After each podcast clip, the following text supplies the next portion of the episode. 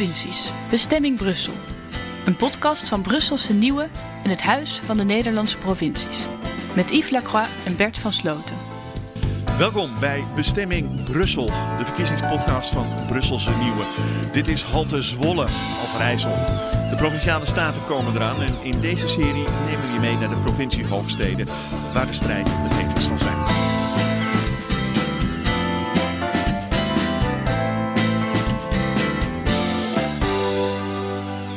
We bespreken iedere aflevering met twee statenleden, eigenlijk twee kandidaten, de belangrijkste regionale thema's van stikstof, klimaatverandering, economische scheefgroei, Oekraïne en China. Maar meer dan ooit gaan deze verkiezingen ook over Brussel, dat in steeds grotere mate het provinciale beleid bepaalt. Hoe gaan de partijen daarmee om? Wij maken deze podcast als Brusselse Nieuwe samen met het Huis van de Nederlandse Provincies. Fijn dat je luistert. Mijn naam is Bert van Sloten. Mijn naam is Yves Lacroix. Die zit naast mij. En onze eerste stop is dus vandaag in Overijssel. Uh, we nemen het op in het provinciehuis uh, in Zwolle. En we hebben twee gasten.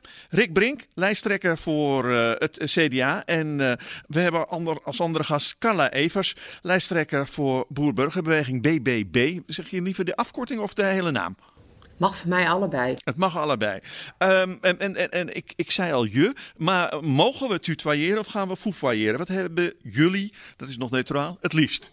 Nou, laten we gewoon tutoyeren. Dat lijkt me prima. Dat lijkt mij ook het, uh, het gezelligst en het prettigst. Oké. Okay. Nou, welkom uh, in ieder geval. Um, Carla, om, om, met jou te beginnen. Uh, de eerste provinciale verkiezingen voor BBB. Spannend lijkt mij. Um, ga je de buurman leeg eten? De buurman leeg eten. Wat ja, dat is zo'n politieke uitdrukking. Oh ja, ja, ja, ja. Nou, nou dat politiek is... doen ook een oh, beetje. Ja, nou dat moet ik dus allemaal nog een beetje leren. Want uh, ik, ik ga voor het eerst de politiek in. Ik heb die uitspraak echt nog nooit gehoord. dus uh, ik ben niet van plan uh, Rick leeg te gaan eten. Ik denk dat we het met elkaar blijven doen in ja. Overijssel. En dat is wel onze intentie. Rick, had Carla niet eigenlijk gewoon bij jullie moeten zitten bij het CDA? Ja, nee, iedereen is welkom bij het CDA. Dus ook uh, Carla Evers, nee zeker. Um, uh, nee, maar ik ben het wel heel erg met Carla eens. We moeten het echt samen doen. En dat is ook een beetje hoe wij hier in Overijssel werken. en dat geldt ook voor de huidige staten, fracties die er zitten. En je hebt altijd wel het besef dat je samen moet werken om de provincie naar een hoger niveau te krijgen. maar terugkomen op de vraag, iedereen is welkom bij het CDA. Dat zei ik al. En zeker ook mevrouw Evers. Ja. Hoe zien jullie Europa eigenlijk? Als ja, subsidielui lekkerland of als de regelfabriek, Rick? Nou, ik zie het een beetje als een, uh, uh, als een combinatie. Uh, en wat wij altijd heel goed doen, denk ik, als we dat proberen goed te doen, is dat we goed proberen samen te werken ook met onze Europarlementariërs die in Brussel namens onze partij daar zitten. Eh, noem het Tom Beretsen, noem het Annie Schreier, hè, waar we echt gewoon goede contracten mee hebben. En waar onze gedeputeerde ook echt vaak de verbinding zoekt. Hè, als het gaat om nou ja, ondernemers die in de knel komen of in de knel raken. Hè. Het gaat ook vaak over vestigingsklimaat of subsidies die dan worden verstrekt. Hè, waar in sommige landen het wat oneerlijker gaat als bij ons. En waar de ondernemers ook wel soms eens wegtrekken. Hè? Bijvoorbeeld uh, Apollo Vredestein uh, in Enschede is daar een, is daar een ja, voorbeeld van. De fabriek, die is ja. naar Hongarije gegaan. Ja, precies, naar Hongarije gegaan. Nou, dan is het belangrijk uh, dat je met Brussel contacten opneemt. En dat heeft onze gedeputeerde Eddie van Heijem destijds ook gedaan. om te zorgen dat je daar een gelijk speelveld krijgt. En niet iedereen hier, hier, hier weglekt. Ja, en Carla, hoe zie jij dat? subsidiefabriek, subsidie lui lekkerland, zal ik maar zeggen, of regelfabriek? Nou, wat ons betreft is het op het moment wel een beetje te veel regelfabriek, moet ik zeggen. Uh, wij denken dat uh, Europa erg belangrijk is, zeker voor Nederland. Handelsland Nederland is Europa hartstikke belangrijk. Maar ik denk wel, of wij denken wel dat het wel belangrijk is dat ze de dingen blijven doen uh, waar ze voor zijn. Dus inderdaad zorgen dat we met elkaar zaken kunnen doen. Maar ze hoeven niet echt alles over te nemen wat we in Nederland en soms zelfs in de regio ook kunnen regelen. We gaan zo naar ons eerste hoofdonderwerp, maar dat leiden we in met een reportage. Want na bijna een jaar oorlog zijn ook hier de gevolgen van de situatie in Oekraïne goed voelbaar. De maakindustrie wordt hard geraakt door hoge energieprijzen. We gaan naar buiten dus met onze verslaggever Liewe. En die sprak met de eigenaar van Polderstaal in Emmeloord. Van buiten lijkt het op een grote container. Blauw met een uh, oranje streep. Het zijn drie productiehallen. Binnen maken ze stalen onderdelen en wordt er gelast.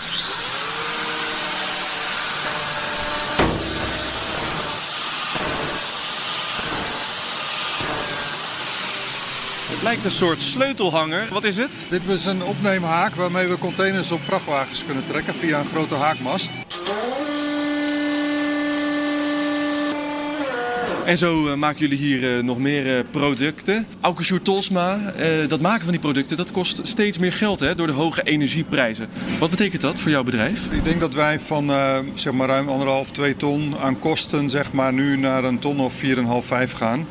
Ja, dit is gewoon gigantische stijgingen. En eigenlijk is het beetje ook niet goed waar het heen gaat. We hangen af, het hangt af nu van de dagmarkt.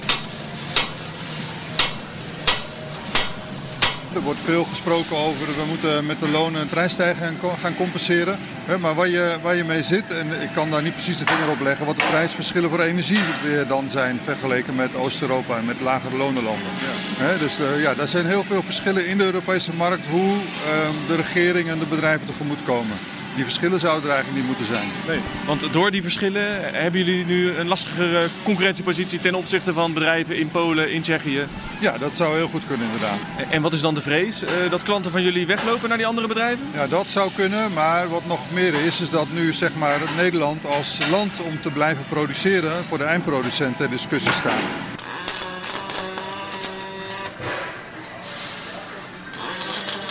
Nu hebben we één Europa, één Europese markt. Dat is toch ook marktwerking? Het punt is een beetje dat uh, we willen als Europa de, de minder economisch ontwikkelde gebieden graag helpen. Nou, dat is op zich goed, maar wat je ziet is dat je daar waar wij machines kopen van anderhalf miljoen euro, dat ze daar de helft gesubsidieerd krijgen.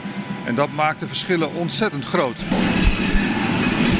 We lopen langs eh, de verschillende productieruimtes. Links wordt er nog uh, wat gelast. Er komen heel veel vonken bij vrij. Auke Sjoerd, die staat wel deur dicht. Maar kunnen we hier doorheen? Ja, wij doen hem even open, maar er staat deur dicht zodat de kachel niet te veel aan. Dan komen we even buiten en dan gaan we naar de volgende hal.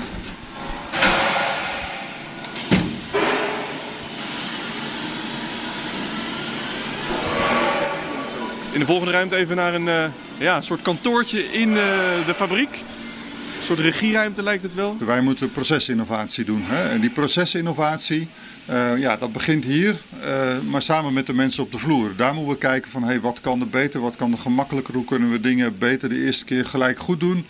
En hoe kunnen we nou ja, die hele voorbereidingstijd korter krijgen? Want jullie zijn voor deze procesinnovatie ook naar Brussel geweest hè, voor uh, subsidie. Ja, leg eens uit, wat hebben jullie daar gevraagd? Waar we in Brussel voor geweest zijn, is um, daar nog een keer duidelijk maken hoe belangrijk het is om de kleinere bedrijven, de MKB, maakindustrie, om die um, te helpen, te stimuleren, die procesinnovatie op gang te brengen en voor elkaar te krijgen. Om dingen steeds beter te doen en misschien ook weer met minder energie, hè, uh, maar ook met nou ja, minder mensen die beschikbaar zijn, toch te gewoon heel goed te kunnen blijven, blijven produceren en de concurrentiepositie van onze klanten daarmee op orde te houden. Ja, dus het lost eigenlijk drie dingen op. De hoge energieprijzen, ja. de personeelstekorten en de concurrentiepositie met andere Europese landen. Ja, daar kunnen we allemaal verbeteringen realiseren. Dan lijkt me toch dat Brussel gelijk ja zegt.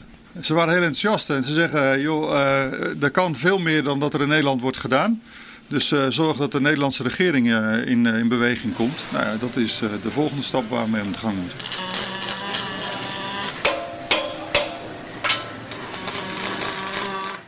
Ja, dat is dus de, de, de werkelijkheid bij, uh, bij polderstaal. En daar zeggen ze, er kan veel meer dan we eigenlijk denken. Carla, is dat uh, ook jouw gevoel? Ja, dat is ook wel een beetje mijn gevoel. En dat is ook wel het gevoel ehm, waar wij ons wel een beetje zorgen over maken. Dat, dat we zoiets hebben van... Ehm, het lijkt wel of de politiek in, in Nederland op het moment uh, dingen alleen maar moeilijker maakt. En alleen maar op de rem gaat staan door uh, steeds meer eisen te stellen, regeltjes te maken, et cetera. Terwijl wij zoiets hebben van um, een overheid zou juist dienstverlenend, faciliterend moeten zijn. En dan kom je terug met het verhaal van, van waarvoor zijn we er als overheid? Een overheid moet zijn voor de inwoners, moet niet andersom zijn.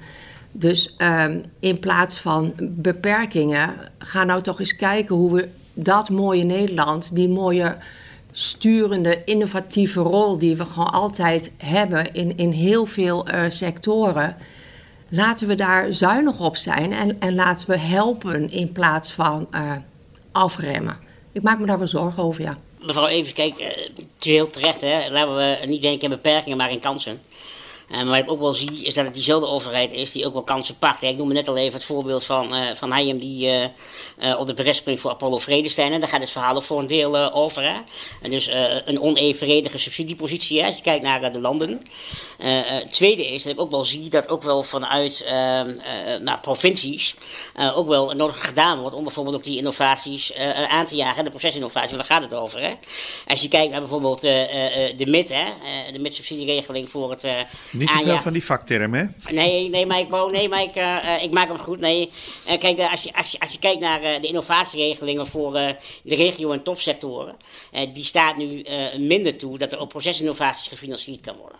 Nou, daar moet je als provincie samen mee optrekken. En ik weet dat Gelderland en overheid dat ook doen, om aan de landelijke overheid aan de bel te trekken van jongens, die, die mogelijkheid moeten bijkomen, zodat deze mensen ook financiering kunnen krijgen om die procesinnovaties echt wel te realiseren. Nou, dus, dus, dus, dus er worden ook echt wel kansen gepakt. Alleen, en dan hoorde ik de uh, ondernemer ook mooi zeggen in de reportage, uh, Overijssel is, of sorry, Brussel is op dit moment blij en enthousiast. Ja. Uh, dat is heel fijn, maar als je in de politiek zit, uh, dan moet je vasthoudend zijn en doorgaan. En een blij gezicht is hartstikke leuk en lief en aardig, maar er horen op een gegeven moment ook knaken bij, want anders komt die ondernemer niet verder. Uh, dus we zullen echt door moeten gaan om ook als landelijke overheid kansen te pakken. Oké, okay, maar, maar leg dan eens uit, van hoe, hoe moet je doorgaan? Want deze ondernemer is enthousiast teruggekeerd vanuit Brussel. Ja. Hoe, hoe hou je hem enthousiast? het enthousiast houden van deze ondernemer gaat erover. Uh, we zijn er geweest, dat land, dat komt in commissies terecht. En dan moet je de boel warm houden. Dat is zelfs dat je lobbyt in de land, bij de landelijke overheid. Uh, je stipt een probleem aan, dat wordt aan de overheid neergelegd. Vervolgens moet dat een kans worden en moet je de boel warm houden en vasthoudend zijn. en de ondernemer erbij betrekken, want we praten te veel in dit land over de mensen en te weinig met de mensen. En ik denk dat we dat ook veel meer zouden moeten doen. Spreekt dat aan? Want je moet dus de druk op de ketel houden. Ja, je moet, moet de druk op de ketel houden. En ik maak me wel een beetje zorgen als ze dan uh, in Brussel zeggen van... Uh, zorg dat de Nederlandse regering in beweging komt. En ik ben het wel met, uh, met Rick eens. Ik denk dat het ook voor ons als taak van de provincie is... om ook te zorgen dat, dat die Nederlandse regering in beweging komt. Dus, maar er is echt wel werk aan de winkel. Want we kunnen hier wel een heel enthousiast verhaal ophangen... Feit is wel dat deze ondernemer ons net laat horen dat hij zich ernstige zorgen maakt en dat het een ongelijk speelveld wordt uh, op deze manier. En feit is ook dat ik gewoon overal lees dat er toch wel steeds meer Nederlandse bedrijven overwegen om naar het buitenland te gaan, omdat daar allemaal een beetje makkelijker is. En ik vind dat een hele gevaarlijke situatie. Kijk, als je je zorgen maakt, hè, want uh, het enthousiaste verhaal, ik weet niet of ik een enthousiast verhaal vertel. Uh, kijk, de zorgen van deze ondernemer, die, die bagatelliseer ik zeker niet. alleen ik zie ook wel dat we vanuit dit huis veel al doen om Brussel te beïnvloeden. En wat ik ook wel zie, ja, als ik kijk naar ons Kamerlid Mustafa Amouche, die ook een, een pleidooi heeft geschreven voor de maakindustrie, die voor Overijssel heel belangrijk is. Want dit, is ook, dit, dit gaat over maakindustrie en 17% van de economie in Overijssel gaat daarover. Hè.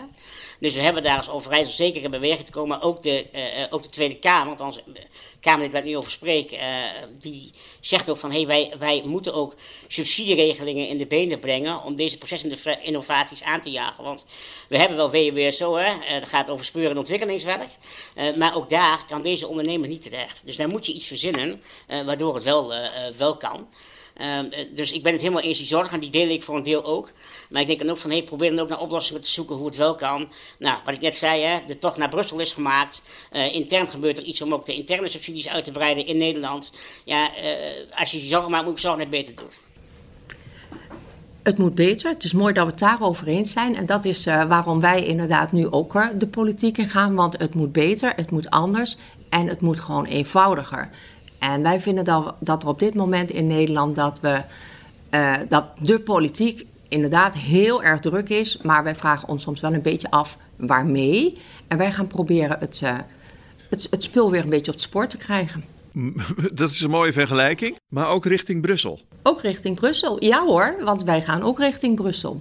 Dat is uh, onze intentie. Brussel is nodig, ook voor Nederland handelsland, maar dan wel op de manier dat het faciliterend en dienstverlenend is en niet betuttelend. We hebben richtlijnen over natuurgebieden. Dat leidt ons tot de stikstofdiscussie die nu in, uh, in Nederland uh, speelt. Gaan we het hebben over stikstof of gaan we het hebben over de bescherming van de natuurgebieden in uh, Nederland? Wat is het onderwerp eigenlijk?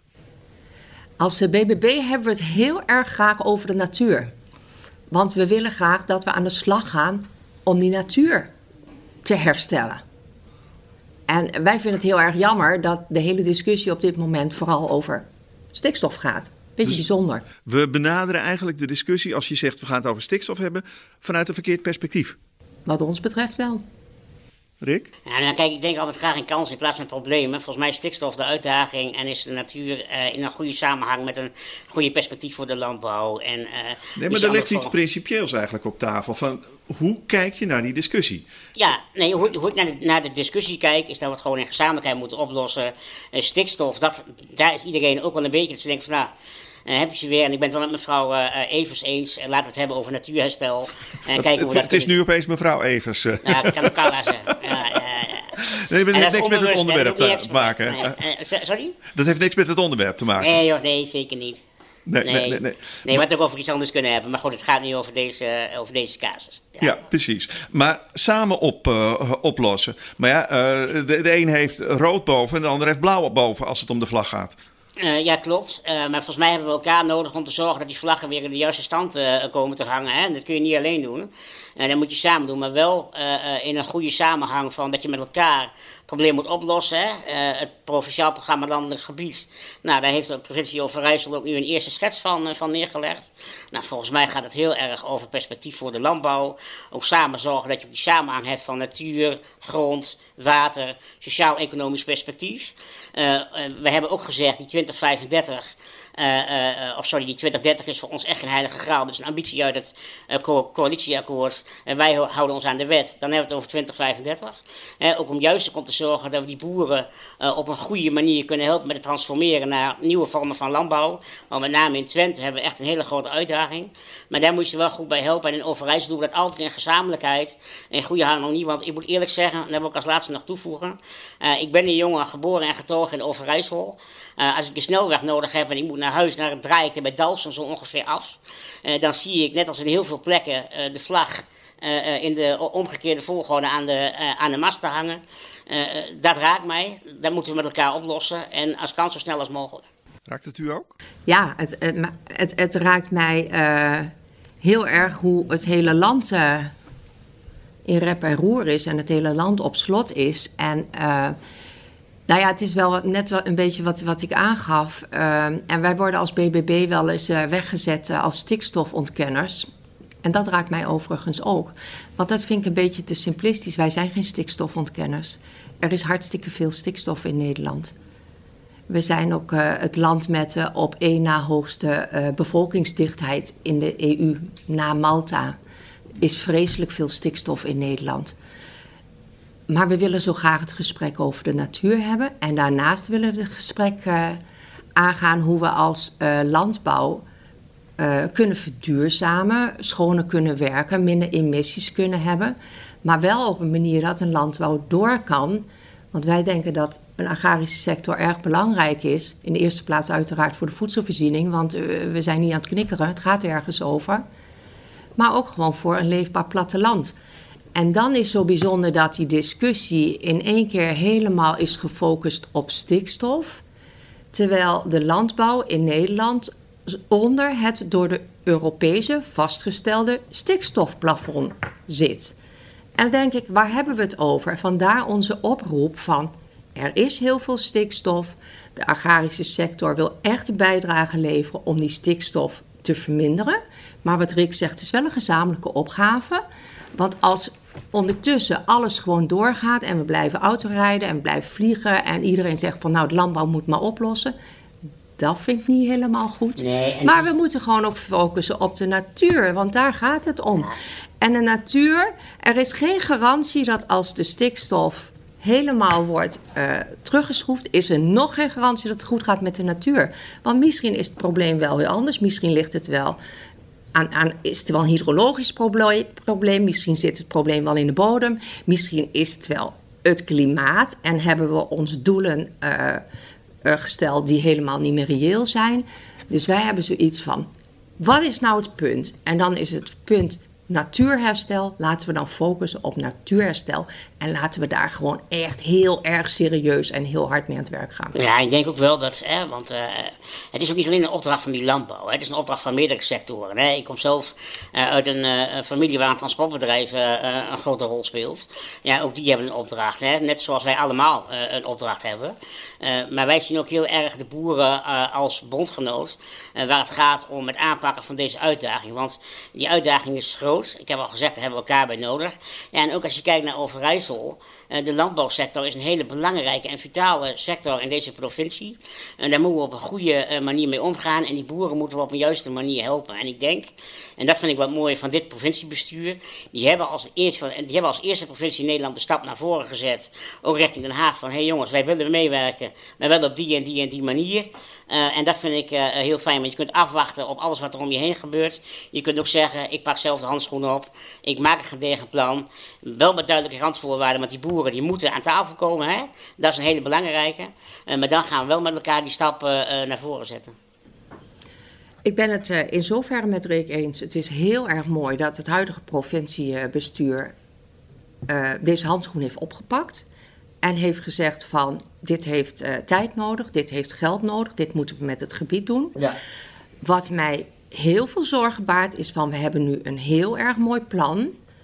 En daar staan zelfs al uh, uitwerkingsrichtingen in. Daar worden al hectares genoemd die allemaal nodig zullen zijn weer van de landbouw. De enige sector die wordt genoemd. Maar we hebben de doelen nog niet zuiver. En we hebben nog niet in beeld waar we op nee, dit moment staan. Nee, maar nu ga ik even. Dus, dus ik heb wel opmerkingen over dit plan, ja, nee, zeer zeker. Kijk, er zitten heel veel. Uh, on, uh, nee, maar nu wil ik even een punt maken. Uh, er zitten ook inderdaad veel onduidelijkheden in. En er zijn ook, zijn ook een paar hele duidelijke uitgangspunten in. Die ook de vraag zijn richting de centrale overheid: van kom nu met duidelijkheid, want pas dan kunnen wij starten met de daadwerkelijke uitvoering. Maar um, eventjes terug naar de discussie, even weg van de actualiteit. In de toekomst, want daar hebben we het over. Straks zijn er verkiezingen en zo. Gaan jullie, Carla, dan bijvoorbeeld naar Brussel toe om te zeggen: van ja, misschien moeten we die regels maar aanpassen? Is, is, is dat een inzet? Of eh, wat ik probeer eventjes uit te vissen van wat je dan als je het samen gaat doen, hoe je dat dan doet. Er zijn kaders, kaders vanuit Brussel, maar er zijn nog meer kaders vanuit Nederland. En met de provinciale verkiezingen hopen we dat we als uh, eh, BBB eh, veel zetels halen in alle provincies. Want dat houdt in dat we ook zetels halen, veel zetels halen in de Eerste Kamer. En dan kunnen we eindelijk met die wetgeving aan de gang. Want in Nederland zitten we gewoon op slot omdat we de natuur hebben verbonden aan stikstof. En dat moet gewoon losgekoppeld worden. En dat heeft Europa niet bedacht. Maar we zeggen altijd het moet van Europa. Nee, maar dit moet niet van Europa. Dit heeft Nederland bedacht. Dus dat moet ook in Nederland gecorrigeerd worden. Ja. En daar gaan wij echt heel hard mee aan de gang. Zullen we teruggaan naar Brussel? Uh, ja, we kunnen terug naar Brussel, want, uh, want dit klinkt me bekend. Ik heb daar gepraat met uh, Mohamed Shahim van de PvdA. Die is daar 3,5 jaar ja. Europarlementariër. en die had het ook over hoe in Brussel naar de stikstofproblematiek in Nederland wordt gekeken. Ik denk dat de politie het niet echt bezig zijn met Nederland en de stikstofproblematiek. Nee? Omdat het ook een expliciet Nederlands probleem is. Ja. Maar het, het heeft wel te maken met de Europese richtlijnen uiteindelijk. Kijk, Europa en daar zat Nederland bij. Alle wetten die hier in Europa worden gemaakt, daar zitten Nederlanders bij vanuit het parlement, maar ook vanuit de Raad van, van de Europese Unie. Daar zitten ministers, vakministers in.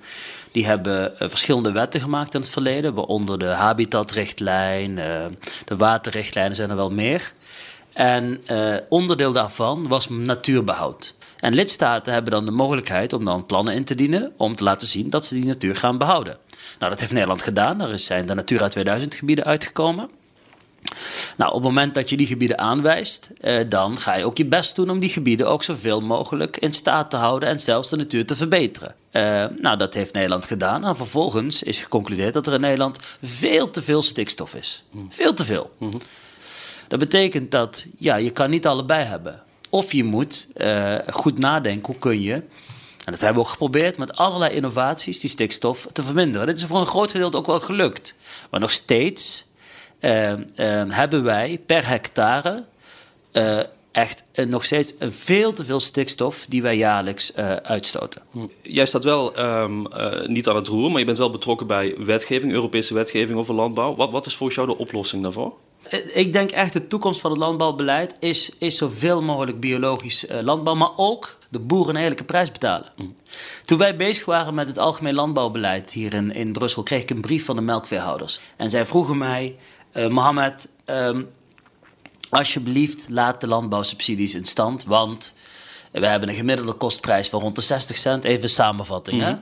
En wij krijgen ongeveer 30 cent per uh, liter melk van, de, van, de, van de afnemers. Ja. Het is nu allemaal anders. Hè? De prijs van dat mensen gaan roepen, Mohammed, die, die, die prijs die niet meer uh, actueel zijn. We hebben het over een paar jaar terug, voor de, voor de energie- en de COVID-crisis. Mhm. En um, dus, dus het is raar dat een boer ongeveer de helft van zijn productieprijs krijgt. Terwijl als ik een pak melk in de supermarkt betaal of koop, ja, dan betaal ik minimaal in die tijd, even nog een keer, want de prijzen zijn wel flink aangepast. In die tijd betaal ik dus de 80 cent en 2 euro voor een pak melk. dus er blijft veel te veel hangen bij ja, de tussenhandelaren en de eindverkopers. Mhm. Want daar hoor ik veel te, veel, te weinig mensen over. Als de boer twee keer zoveel krijgt, gewoon zijn kostprijs krijgt, en dan is zeg maar de algemene landbouwbeleid die we hebben en de subsidies, kunnen dan inderdaad zien, worden gezien als een inkomensaanvulling. Maar als hij twee keer zoveel krijgt voor zijn, voor zijn, voor zijn, van de afnemers, dan is er nog steeds voldoende marge mhm. om winst te maken. Dat hoeft echt niet te leiden tot verhoging van de consumentenprijzen, mhm. niet expliciet. En, en dan hoeft hij maar de helft van de koeien te hebben. Ja. Dit is dus een hele simpele rekensom. We zitten dus aan tafel met uh, lokale bestuurders. Um, hoe moeten zij Europa benaderen om dingen gedaan te krijgen in de regio? Kijk, Europa, dat zijn zij zelf ook. Hè. We zijn dat allemaal. Uh, mijn, mijn, kantoor is altijd open. En ik, ik, spreek heel graag met provinciale statenleden en gedeputeerde staten. Ik bedoel, je moet gewoon met iedereen proberen uh, contact te hebben. Met iedereen proberen zo goed mogelijk samen te werken. Kijk, op het moment dat zij dingen identificeren die niet goed zitten in de uitwerking uh, van bijvoorbeeld regelgeving, uh, ja, dan is dat gewoon belangrijk om, om ons daarvan, uh, daar ons op te wijzen. Ik bedoel, ik ben zelf ook lokaal actief geweest. Ik weet dat vaak lokaal dingen op een andere manier landen dan dat wij, dat, dat mensen bijvoorbeeld in Den Haag of, of in Brussel denken. Mhm. Maar laat je niet te snel afserveren met dit moet van Europa of dit mag niet van Europa. Carla, Rick, wat, wat vinden jullie van het advies van Mohamed? Dat laatste over uh, hoe benader je Europa? Dat vind ik een goed advies. Ja, ja jullie gaan het ook doen? Dat, uh, ja, dat gaan wij ook doen. Ja, maar je moet, kijk, je moet je in de politiek nooit laten wegsturen, ook niet door mensen van je eigen partij. Hè? Ik heb zelf ook een tijd in de gemeenteraad gezeten. Nou, dan ben je raadslid, heb je een wethouder. Nou, door een wethouder moet je ook niet laten wegsturen. Hè? En dat moet je in deze verhoudingen ook niet doen. Uh, dus je moet altijd gewoon, maar dat heb ik in de eerdere bijdrage ook al gezegd, uh, vasthoudend zijn doorgaan.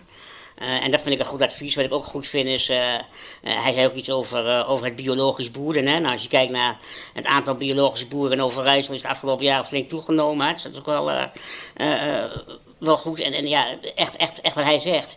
Ja, die Natura-gebieden die hebben we en hebben we ook, ook mee te dealen. Want ook al zou ik het willen, die ga ik niet meer terugdraaien. Nu, eh, Carla, hij had het ook over um, dat boeren niet uh, de kostprijs betaald krijgen. Dat ze echt onderbetaald krijgen. En dat daardoor de subsidie deel wordt van hun uh, businessmodel eigenlijk. Merk je dat ook?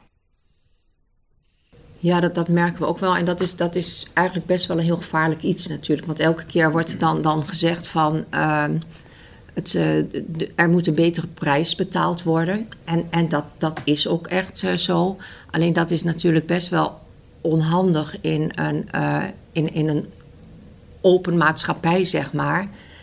Want van de andere kant is het voor een, een boer, is een ondernemer natuurlijk, en die wil niet afhankelijk zijn van subsidies.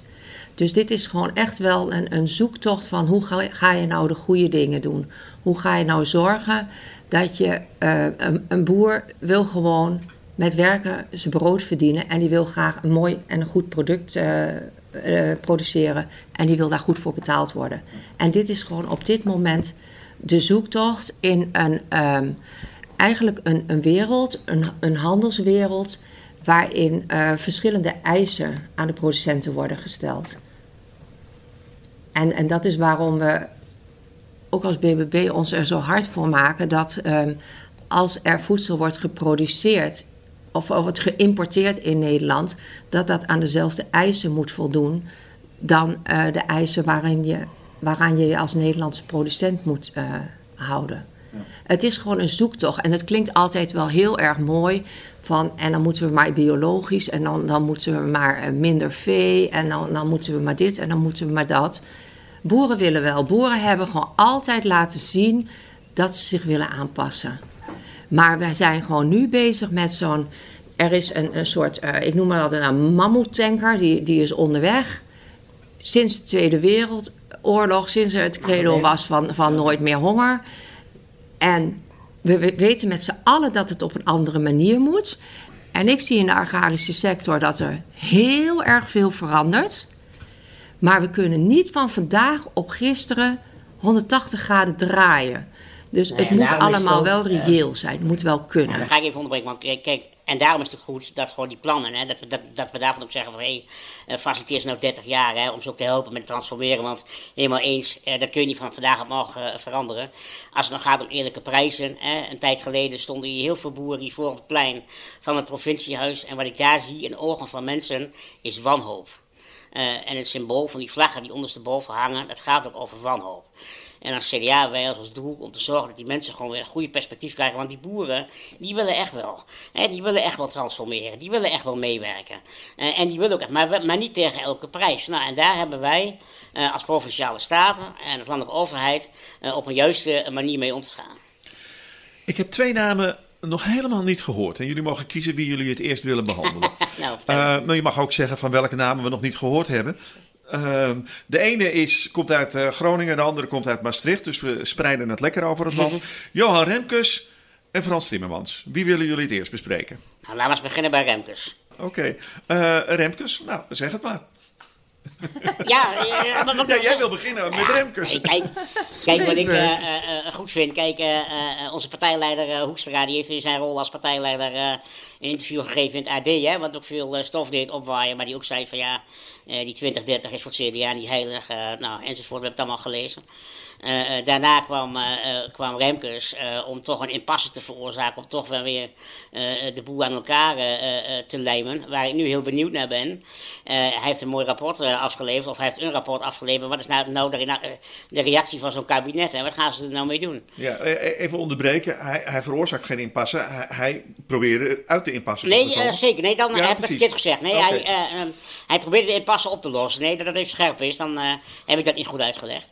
Nee, helemaal eens. Hij probeerde inderdaad om, uh, om de boel weer uh, bij elkaar te brengen. Ik moet eerlijk zeggen dat ik enorm respect heb voor de man. Want hij is wel een enorme troubleshooter in de Haagse wereld. Hè. Als ze er even niet uitkomen, dan, en dan komt hij weer voor de, voor de dag. En ik heb hem ook ooit eens meegemaakt als local burgemeester van Den Haag. Is ook een tijdje geweest. En het is een enorme bestuurder. Maar goed, wat ik zeg, ik hoop wel dat ze... Dat ze en ik had wel even het gevoel van, hé, hey, we zijn echt weer op de, uh, op de goede weg. Nou, daarna kwamen er nog weer uh, demonstraties. En, en, ja, wat ik al zei, ik ben heel benieuwd wat er, uh, wat er nu vanuit Den Haag ook gaat komen. Juist ook als je bijvoorbeeld kijkt naar een oplossing rondom die pasmelders.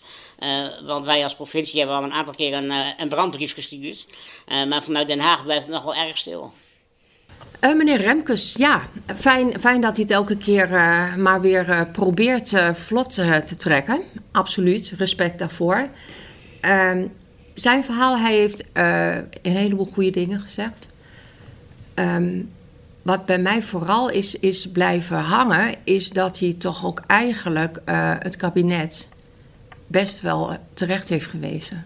En best wel heeft aangegeven van uh, we zijn niet op de goede weg, we doen niet de goede dingen, we doen het niet op de goede manier. En eigenlijk uh, heeft dit kabinet gezegd het anders te doen en het samen met de boeren te doen.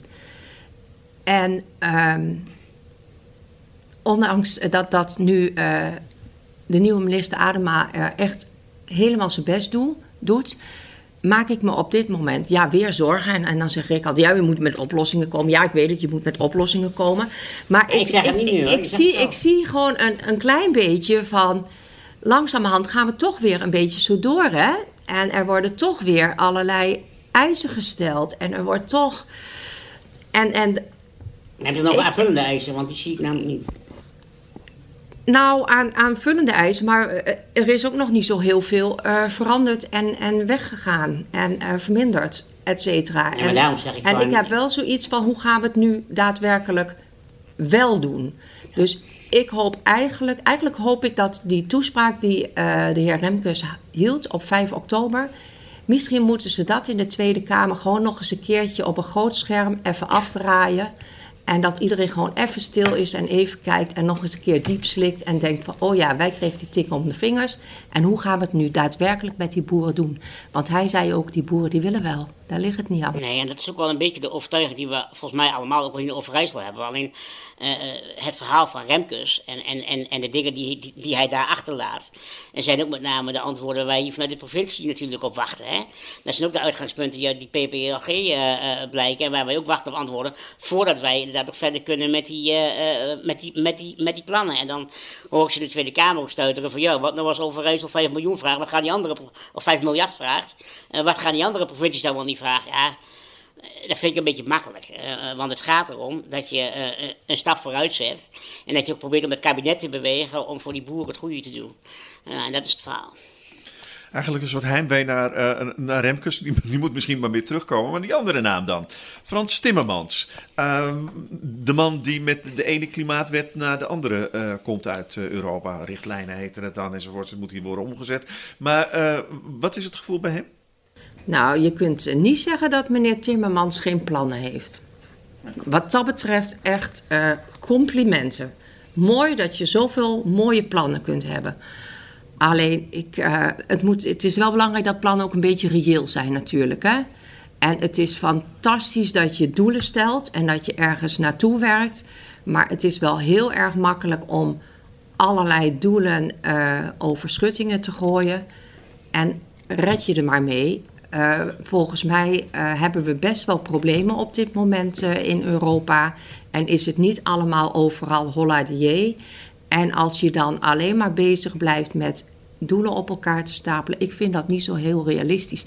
En het werkt mijns inziens ook een beetje contraproductief. Want we willen graag iedereen in beweging krijgen. We willen graag dat iedereen meedoet. Maar nu is het wat we ook doen, het is nooit goed genoeg. En daar krijg je niet echt een, een meewerkende uh, mensen van. Dus ik vind die zo handig. Nee, eens. En, en wat je ook niet krijgt is, hè, kijk, we hebben het gehad over stikstof zojuist. Uh, en, en dan moeten we reduceren. En dat is dan maar de vraag, hè, 20, 30, 35, daar hebben we het ook over gehad. En wat wel belangrijk is, we, hebben ook nog, hè, we willen in dit land ook graag woningen bouwen. Hè? Uh, uh, en we willen ook graag, dat vinden wij heel belangrijk en traditioneel, wij willen ook nog met een paasvuur, uh, of sorry, een, ja, een paasvuur afsteken.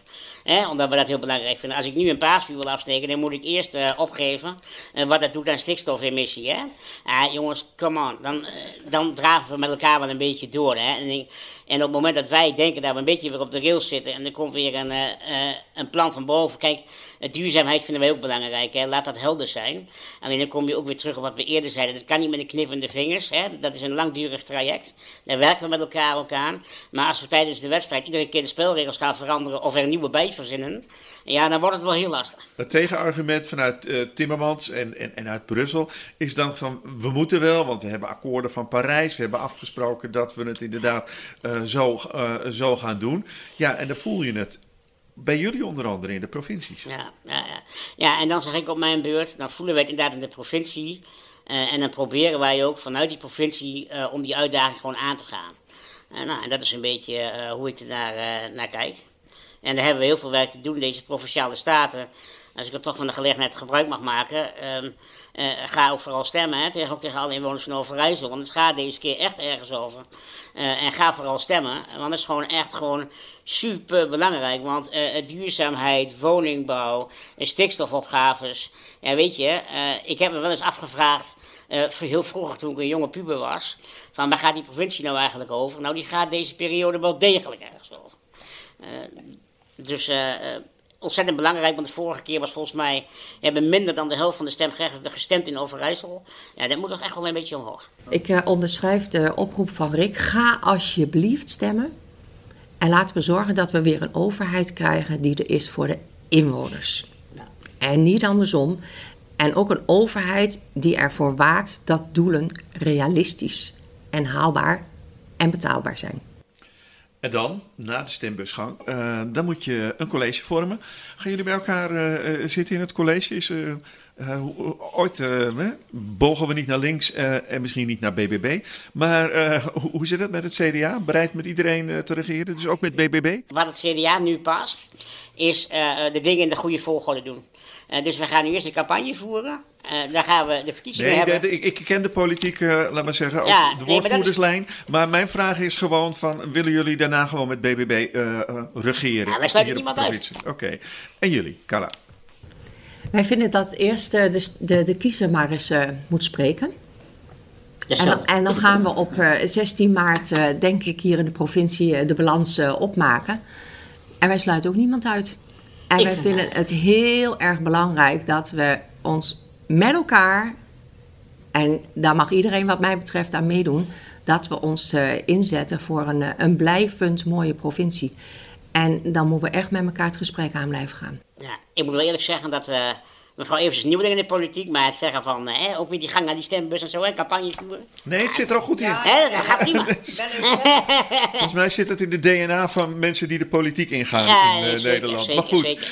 Hey, dank jullie wel. Tot zover deze aflevering van uh, Bestemming Brussel. Onze gasten waren vandaag CDA-lijsttrekker Rick Brink en de lijsttrekker van BBB eh, Carla Evers. Kijk voor meer Brussels nieuws ook op onze website brusselsenieuwe.nl. Let op, daar vind je ook namelijk informatie over het uh, verkiezingsdebat. Het slotdebat is op 15 februari in Brussel. Aanmelden kan al. En Yves, wij gaan naar het zuiden. Uh, voor Limburg is het niet uh, zuidelijk genoeg nog. We gaan naar Noord-Brabant. We gaan naar Noord-Brabant, oké. Okay. Uh, Yves komt uit Maastricht. Maastricht, ja, we gaan naar Noord-Brabant. Daar is de volgende halte van deze podcast. Dank voor het luisteren en tot de volgende keer.